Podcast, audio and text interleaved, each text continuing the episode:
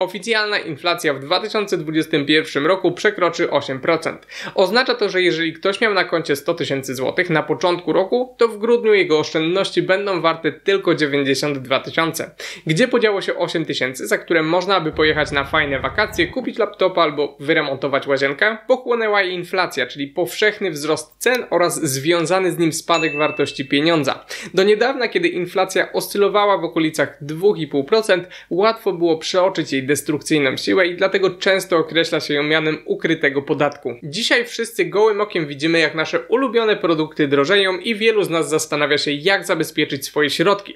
Niestety nie obejdzie się tutaj bez inwestowania. Co więcej, musi to być odpowiednie inwestowanie, bo możecie na przykład kupić obligacje, na których zarobicie 5%, no i na początku się cieszycie. Niestety trochę za wcześnie, bo mimo, że nominalnie macie więcej pieniędzy, to przy 8% inflacji rzeczywiście straciliście 3%. Na szczęście mamy kilka klas aktywów, które zachowują się dobrze w środowisku rosnącej inflacji. Zwiększenie ich udziału w naszym portfelu inwestycyjnym może się okazać w obecnej sytuacji bardzo dobrym pomysłem, no ale pamiętajcie, że to nie jest porada inwestycyjna, tylko moja prywatna opinia. Pierwszą opcją chroniącą przed inflacją będzie oczywiście zostawienie łapki w górę dla YouTube'owego algorytmu.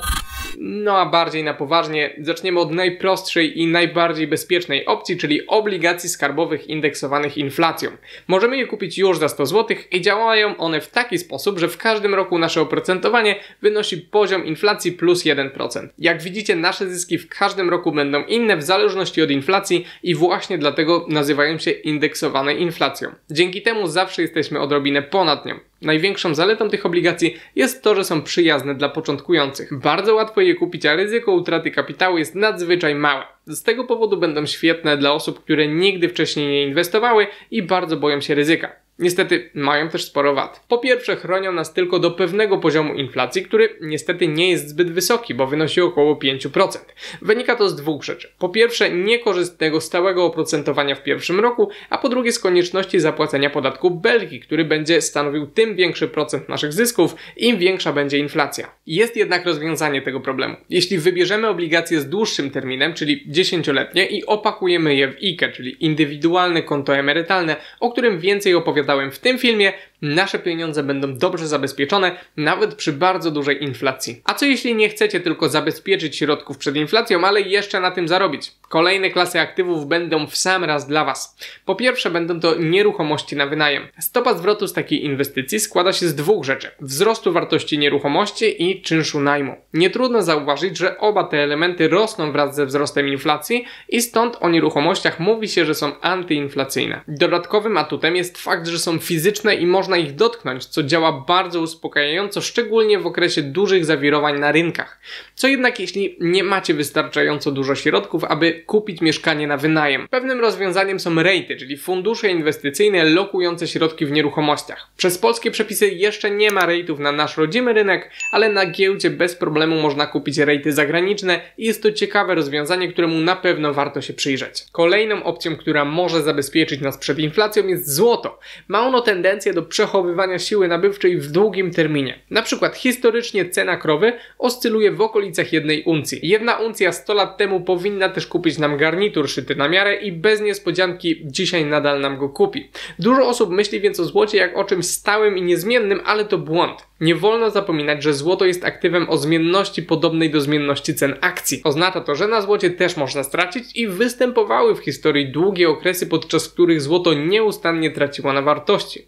Jeśli jednak inflacja jest bardzo wysoka albo mamy do czynienia z hiperinflacją, złoto będzie nieocenione. Podobnie podczas kryzysów i zawirowań na rynkach, gdy występuje ucieczka inwestorów stracących na wartości walut właśnie do złota. Szczególnie na takie okazje warto trzymać złoto w swoim portfelu inwestycyjnym. Kupując złoto fizyczne, pamiętajcie, żeby nie kupować zbyt małych ilości, np. sztabek 5-gramowych, bo im mniejszą sztabkę kupicie, tym więcej zapłacicie za każdy gram złota. Tak naprawdę nie powinniście kupować nic mniejszego niż jednouncjowa moneta. Oto kilka najbardziej popularnych monet, do których sam bym się ograniczał południowoafrykański krugerant, kanadyjski liść klonowy, amerykański orzeł, wiedeńscy filharmonicy, australijski kangur i chińska panda. Czwartą grupą aktywów, które dobrze sobie radzą w środowisku rosnącej inflacji będą surowce. To oczywiste, że inflacja podniesie ich ceny. Sami widzicie jak rosną ceny ropy, metali czy surowców spożywczych. Nie będę jednak o nich zbyt dużo opowiadał, ponieważ inwestowanie w nie jest nieco trudniejsze.